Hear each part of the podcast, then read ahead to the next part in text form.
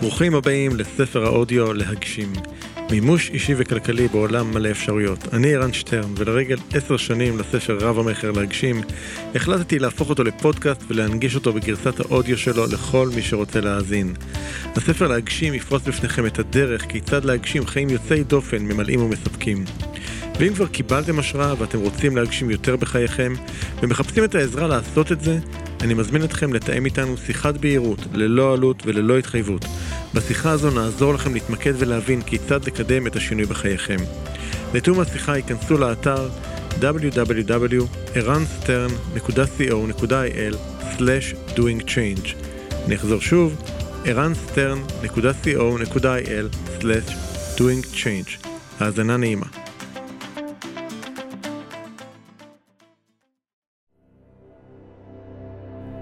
אינך יכול ללמד את האדם דבר, אתה יכול לעזור לו למצוא את הדבר בתוך עצמו.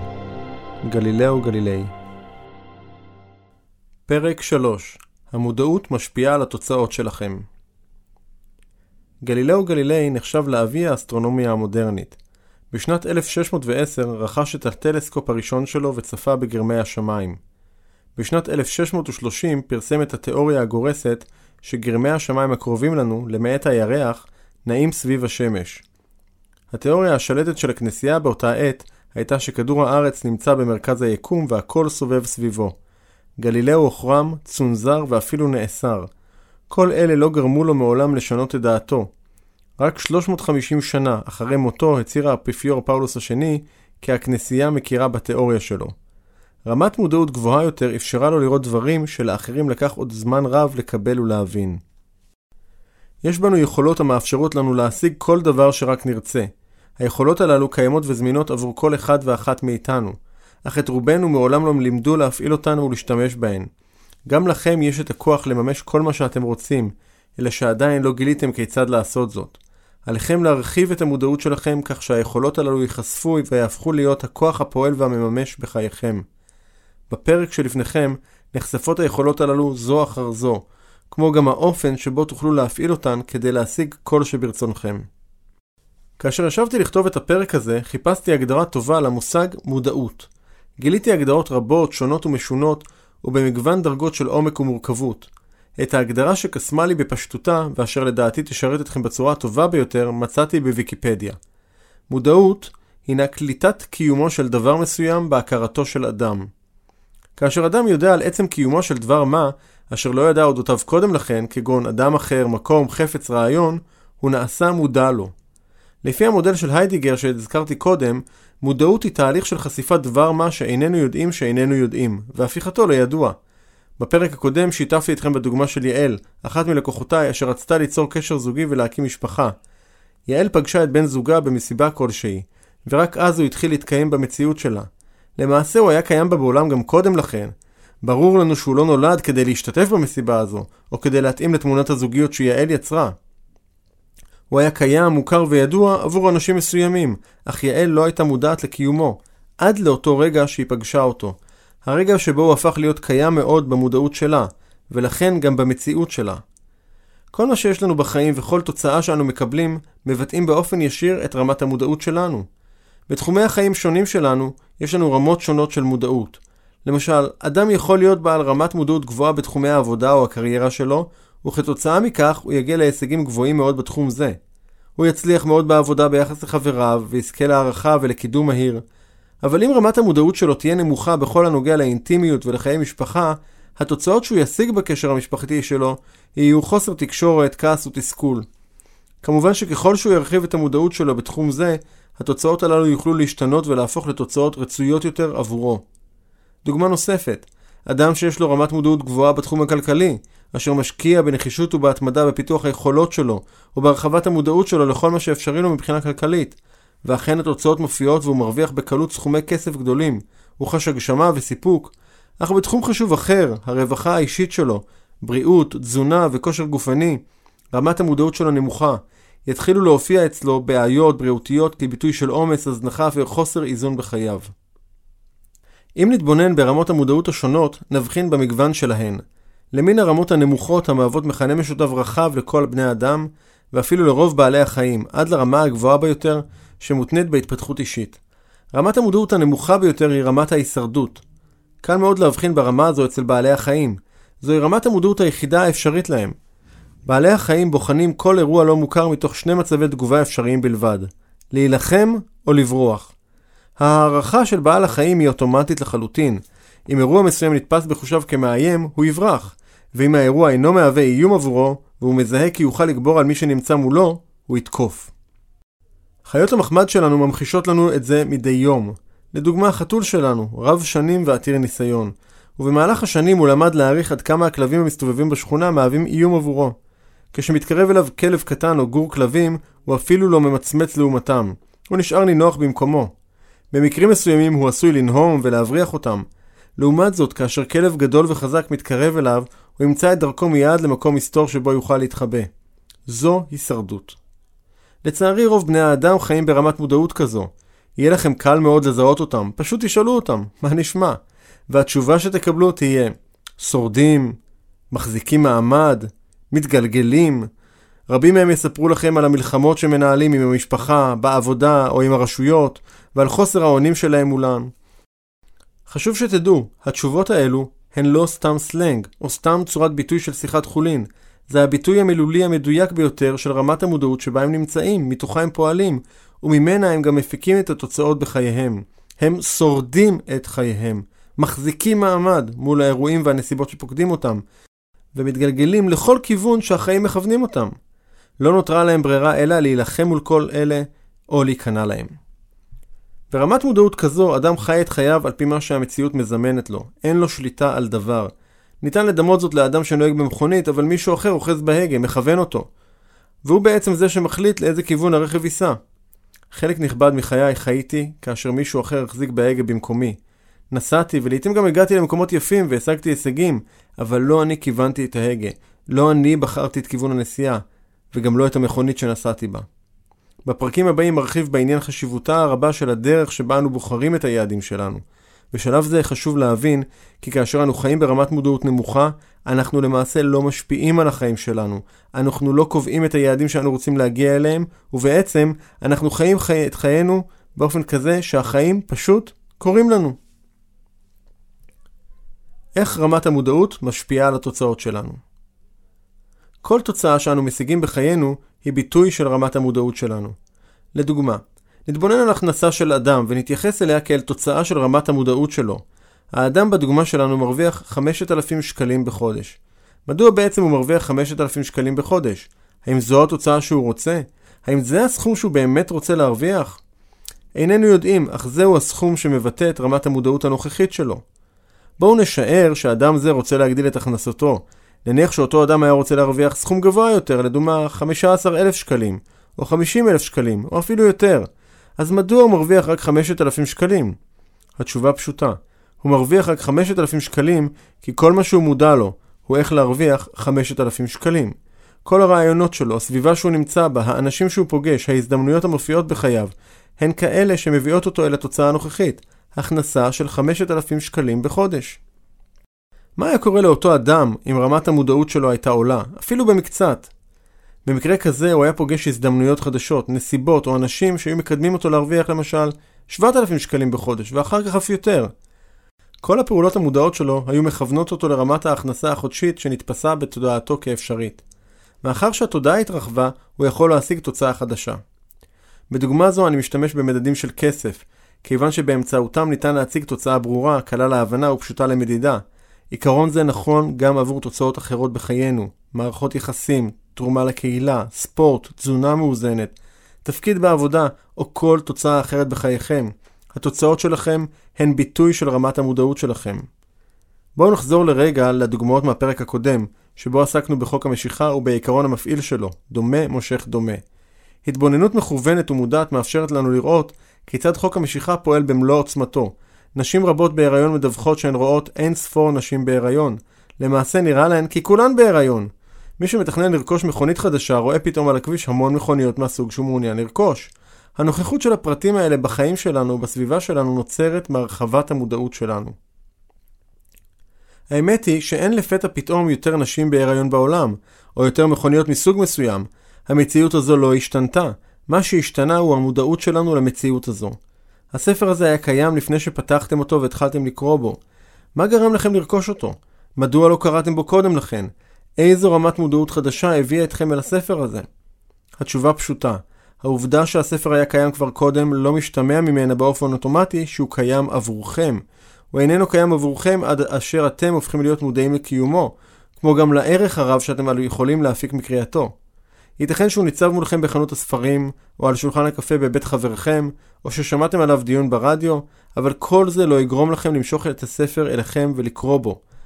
הגורם היחיד שיפעיל אתכם למשוך את הספר לחייכם היא המודעות שלכם. המודעות לכך שספר זה הוא בעל ערך עבורכם. רק המודעות הזאת תמשוך עליכם את הספר.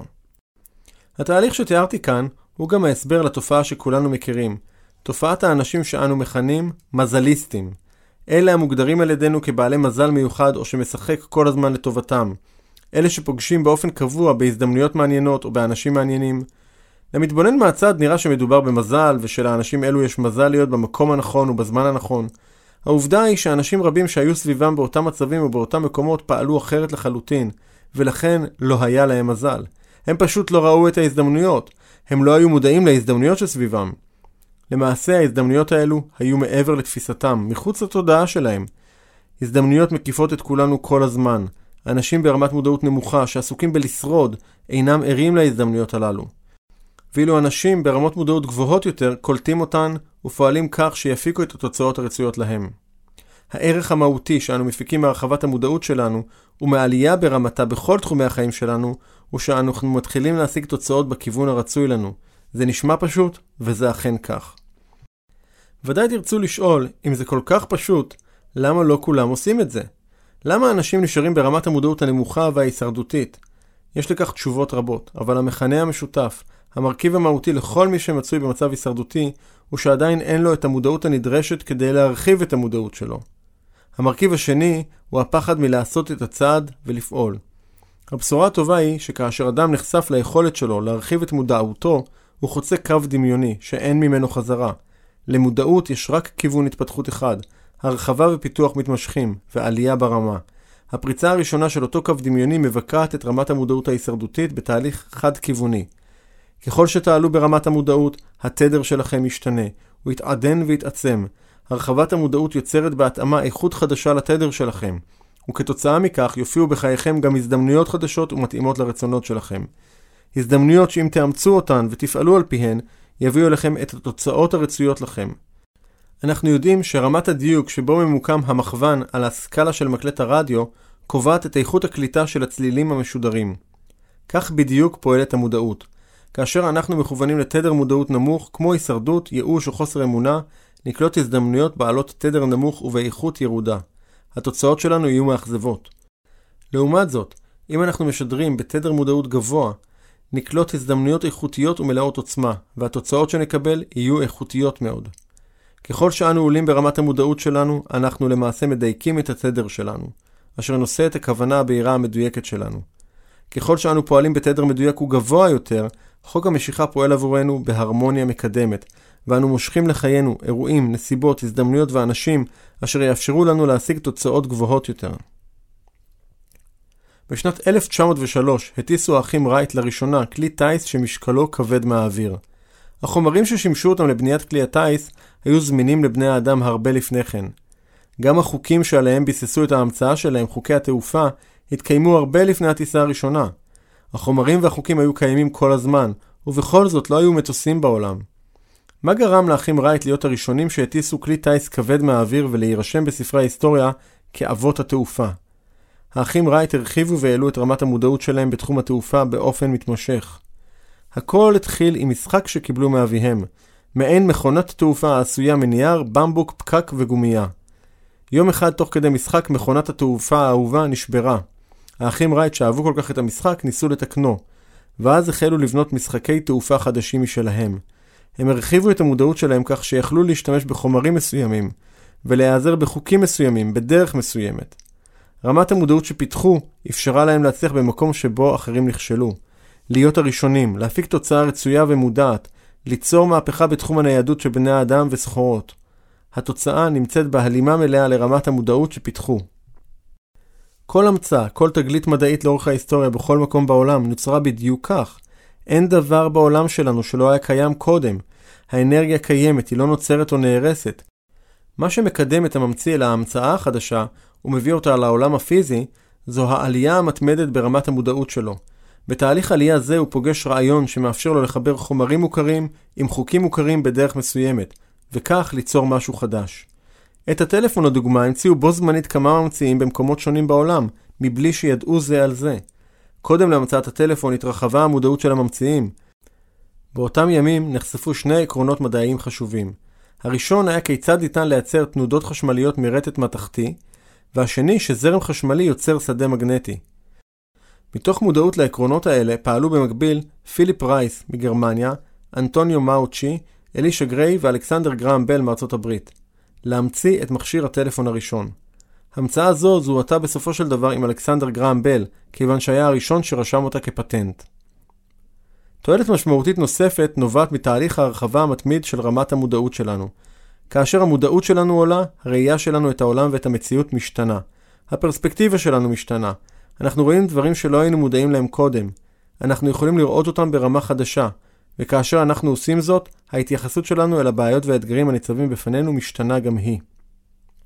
עובדה זו באה לידי ביטוי באירועים הפשוטים ביותר בהתנהלות היומיומית שלנו, ובעקבות זאת, אפילו באירועים כמו המתנה ארוכה בתור בבנק, הזדחלות בפקקים, או טיפול בלקוח רוטן, אנחנו עשויים לחוות חוויה חדשה ומרעננת. החוויה החדשה אפשרית כיוון שהרחבנו את המודעות שלנו.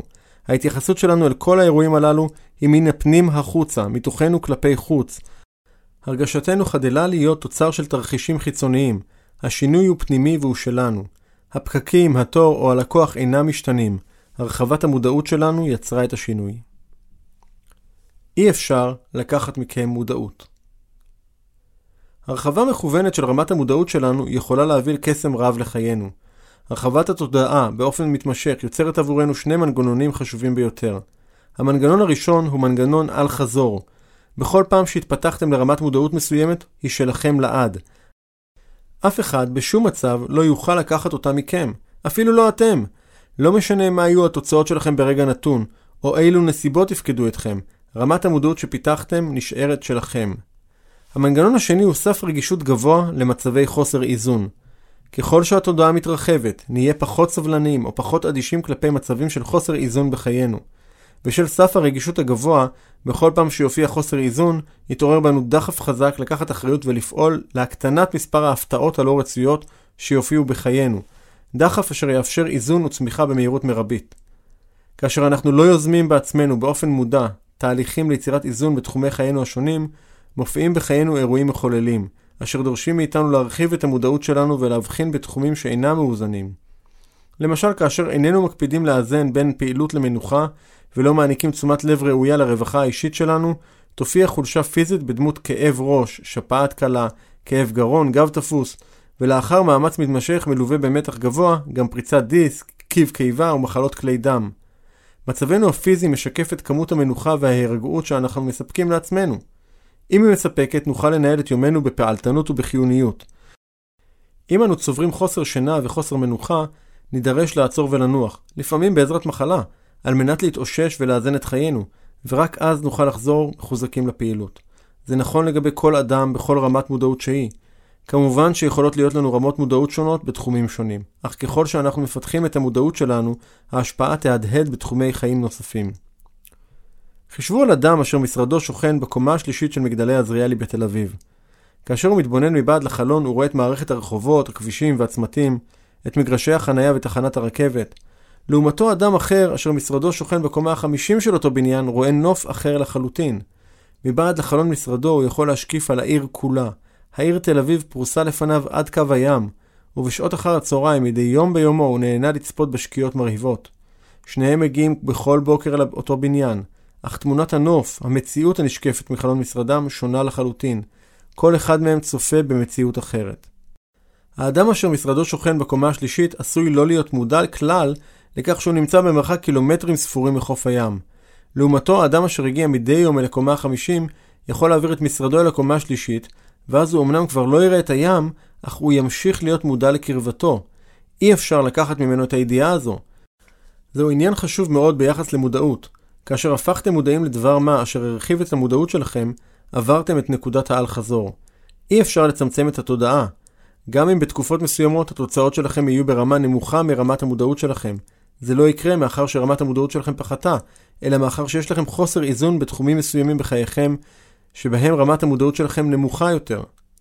העיקרון האומר שאין לנו אפשרות לצמצם את המודעות שלנו אלא רק להרחיבה, פועל עבורנו בכל תחומי חיינו, ויש לו משמעות רבה. בשנת 1992 קרסו עסקיו של המיליארדר דונלד טראמפ, והוא הוכרז כפושט רגל. עקב כך הוא נאלץ לוותר על חלקים נכבדים מנכסיו הפרטיים ולהעביר את החזקותיו בחברות שהיו בבעלותו לטובת נושים ובנקים. בהליך כינוס הנכסים ביקש טראמפ להמשיך ולכהן כמנכ"ל עסקיו ללא תמורה וללא שכר. בשנת 1994, כשנתיים בלבד אחרי הכינוס, פרק זמן קצר לכל הדעות, החזיר טראמפ את רוב חובו האישי אשר עמד על סך של כ-900 מיליון דולר, והקטין בצורה משמעותית את החוב העסקי של החברות שלו, שעמד קודם לכן על כ-3.5 מיליארד דולר. שלוש שנים אחר כך, בשנת 1997, כבר חילץ טראמפ את עצמו ואת עסקיו לחלוטין מהמשבר הכלכלי.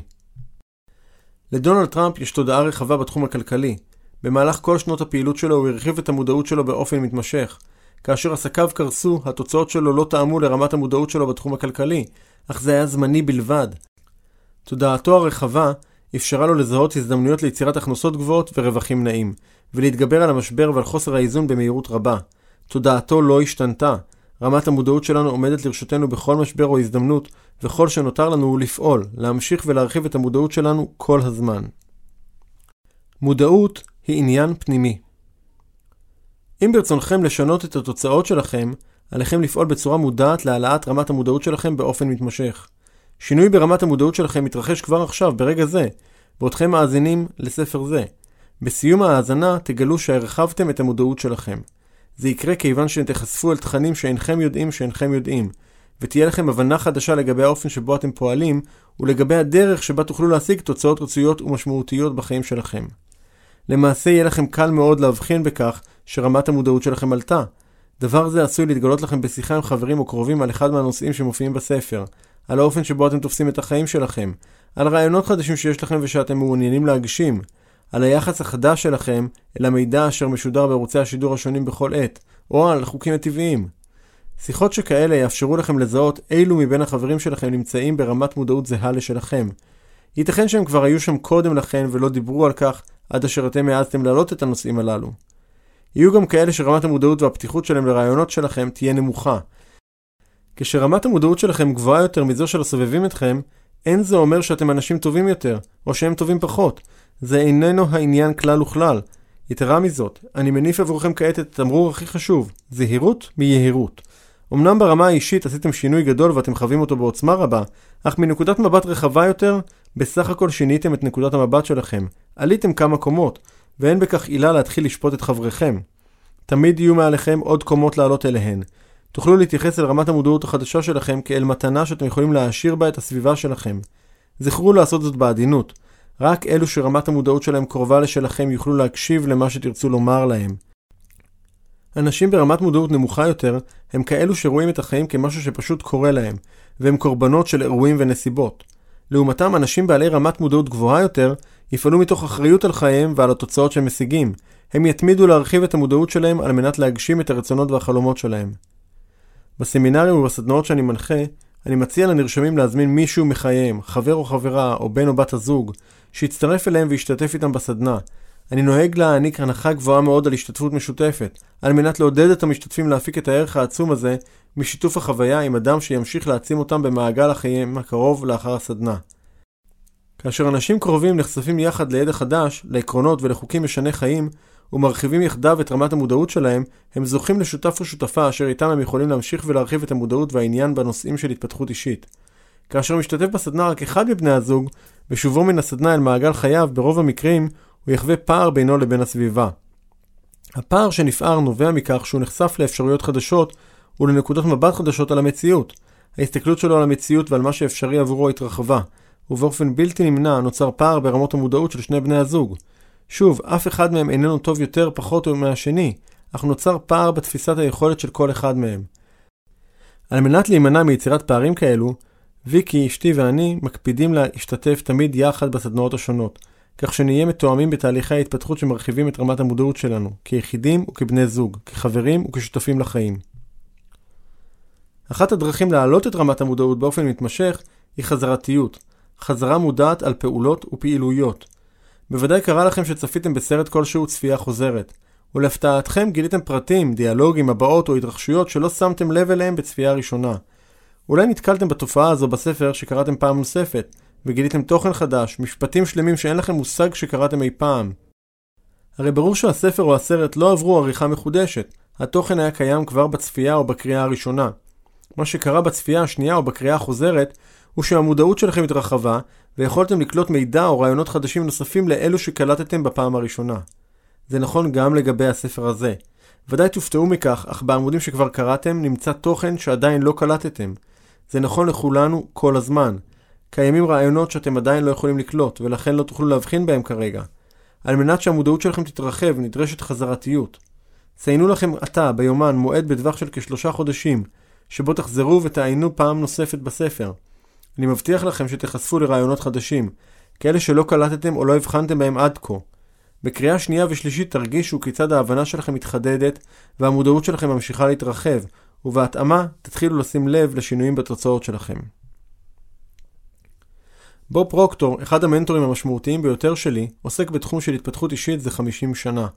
מתוכן לפחות 10 שנים הוא מנחה ומכשיר אנשים מכל העולם ללמד את, את התכנים שיצר. הכרתי את בוב פרוקטור שלוש שנים קודם להשתתפותי בתוכנית ההכשרה שלו שהתקיימה בארצות הברית. הייתי רשום באתר האינטרנט שלו, קיבלתי ממנו תכנים בהודעות מייל, גלשתי באתר שלו, הכרתי את הפעילות שלו ואת התכנים שלימד. למרות זאת עברו שלוש שנים מהיום שבו נחשפתי לתכנים לראשונה, ועד ליום שבו זיהיתי את ההזדמנות ללמוד ממנו באופן אישי. ההזדמנות ללמוד ממנו באופן אישי הייתה קיימת שם כל הזמן. מעת לעת במיילים שקיבלתי ממנו היו פרסומים בנוגע לכך, ובכל זאת לא הבחנתי בהזדמנות זו מעולם במשך שלוש שנים. חודשים ספורים לאחר שעזבתי את מקום עבודתי והתחלתי להקים ולפתח את העסק שלי, קיבלתי ממנו מייל נוסף. זה היה ביום שישי בצהריים. זה לא היה מפתיע שקיבלתי מייל מבוב. מדי יום הייתי מקבל ממנו מייל קצר עם מסר מעצים, ובימי שישי הוא היה שולח מכתבים ארוכים יותר, באנגלית כמובן. במשך שלוש שנים, בכל יום שישי, כשהיה מגיע המכתב הארוך, הייתי מוחק אותו בלי לקרוא מילה. פשוט מוחק, באופן קבוע ואוטומטי. עד לאותו יום שישי, שבו מסיבה שאינה ברורה לי, פתחתי את המכתב שהגיע ממנו. לא קראתי מילה ממה שהיה כתוב בו, אלא עברתי מיד לתחתית המכתב. היו שם שלוש שורות קצרות שהזמינו אותי לכתוב לו, אם ארצה, לבחון את האפשרות, להצטרף לצוות המנחים העולמי שלו. שלוש השורות האלו היו שם חודשים ארוכים קודם לכן, אבל רק אז באמת יכולתי לראות אותן, רק כאשר המודעות שלי השתנתה. כשזיהיתי את השורות הללו במייל שקיבלתי, החלה לקנן בי התרגשות גדולה.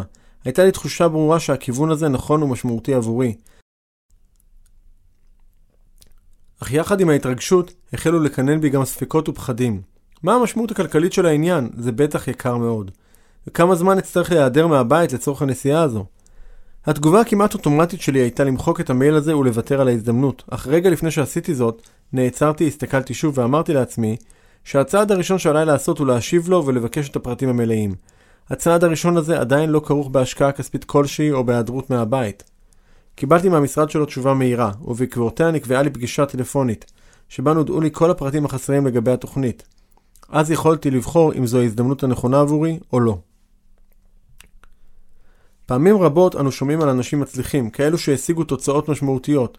אנו נוטים לומר כי היה להם מזל, היו להם נתוני פתיחה טובים יותר, או שהם פשוט היו במקום הנכון ובזמן הנכון. אמונות אלו כאמור מבוססות על התפיסה שאין לנו שליטה על התוצאות הרצויות בחיים שלנו. היום אני יודע שלמזל אין שום קשר לכך. ההצלחה של כל אותם אנשים איננה דבר מקרי. אין די בכך שאדם מסוים יהיה במקום הנכון ובזמן הנכון. עליו להיות מודע לכך שהוא במקום הנכון ובזמן הנכון, ועליו גם לנקוט פעולות כדי לממש את ההזדמנויות העומדות בפניו. אין די בכך שרמת המודעות שלי עלתה, כך שיכולתי לזהות את ההזדמנות שבו פרוקטור יהפוך להיות המנטור שלי. הייתי צריך גם לנקוט פעולות ולשלם מחיר גבוה, כדי לממש את ההזדמנות שהופיעה בפניי. אך אם לא הייתי מודע להזדמנות הזו, לא הייתי יכול לפעול למימושה. אותו מייל שקיבלתי נשלח לעוד עשרות אלפי אנשים בעולם. אך למרות זאת, כאשר הגעתי להשתתף בתוכנית ההכשרה של בוב במיאמי, היו עמי בחדר רק עוד כמה עשרות משתתפים. היו אלה אותם בני מזל, אשר זיהו את ההזדמנות ופעלו כדי לממש אותה. לצאת לפעולה חישבו על שלושה אירועים שאירעו בחייכם במהלך השנה האחרונה, שבאמצעותם הרחבתם את המודעות שלכם בתחום מסוים. ייזכרו כיצד הרגשתם כאשר רמת המודעות החדשה הייתה נוכחת עבורכם. כעת חישבו על שלושה תחומים בחייכם, שבהם אתם רוצים להרחיב את רמת המודעות שלכם. אילו תוצאות חדשות הייתם רוצים להשיג בתחומים אלו בחיים? מהן שלוש הפעולות המיידיות שאתם יכולים לנקוט על מנת להרחיב את המודעות שלכם בתחומים האלה? פעולות אלה יכולות להיות לימוד מעמיק יותר של התחום, יצירת קשרים עם אנשים מצליחים בתחום, הקדשת זמן לחשיבה ממוקדת בתחום ועוד. הקצו זמן לפעולות או לפעילויות שזיהיתם, סמנו ביומן שלכם תאריכי יעד לביצוע ובצעו את הפעולות בזמן ששרייתם לעצמכם לצורך כך. כאשר אתם ממוקדים בהרחבת המודעות, החוקים האוניברסליים פועלים כך שיופיעו גם אירועים והזדמנויות שלא תכננתם, וישרתו את הרחבת המודעות שביקשתם. היו קשובים וערים לכל אלה, היו מודעים לנסיבות ולאירועים החדשים שיופיעו בחייכם כתוצאה מהעלאת המודעות שלכם בתחום זה.